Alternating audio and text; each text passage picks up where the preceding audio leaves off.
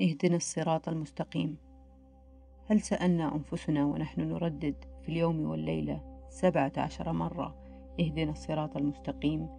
لماذا علمنا الله هذا الدعاء وفرض علينا تكراره بهذا العدد كل يوم؟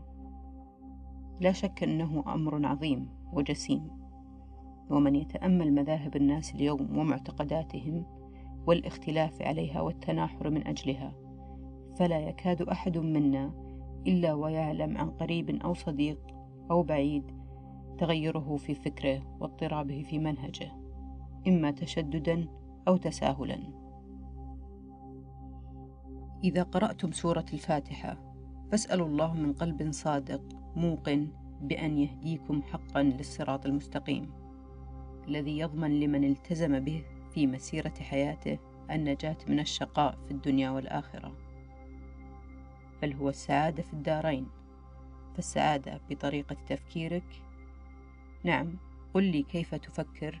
أقول لك أأنت شقي أم سعيد؟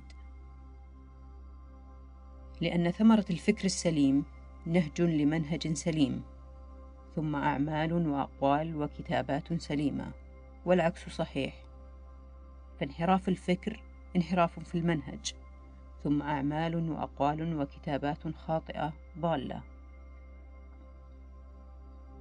فهل بعد هذا ندرك السر العجيب والمهم لفرض تكرار هذا الدعاء سبعة عشر مرة في اليوم والليلة؟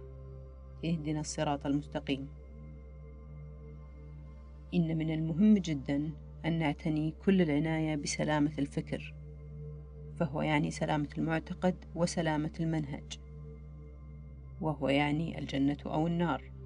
وما دام الأمر كذلك فتعالوا لنتساءل. ما هي العوامل المؤثرة في الفكر؟ ومع أن هذا السؤال كبير جدا ويحتاج لوقت طويل إلا أن الحر تكفي الإشارة. ومن أهم وأخطر العوامل المؤثرة على الفكر أولا الإعلام. فالإعلام في هذا العصر يعتبر أكثر تأثيرا وقدرة على فكر الإنسان. وعلى المجتمع فهل الإعلام اليوم يعتني بالفكر وسلامته وتنميته؟ وهل وسائل الإعلام تخاطب العقل وتحترمه؟ ثانيا الأسرة والتي لها أثر فاعل لتطبيق حدود الشريعة في مكافحة الإرهاب والتطرف فالأسرة قادرة على إخراج جيل يخدم الدين والوطن لا يهدم ولا يخرب وللأسرة أيضا دور كبير في زرع حب الوطن وحقوق المواطنين في قلوب النشء.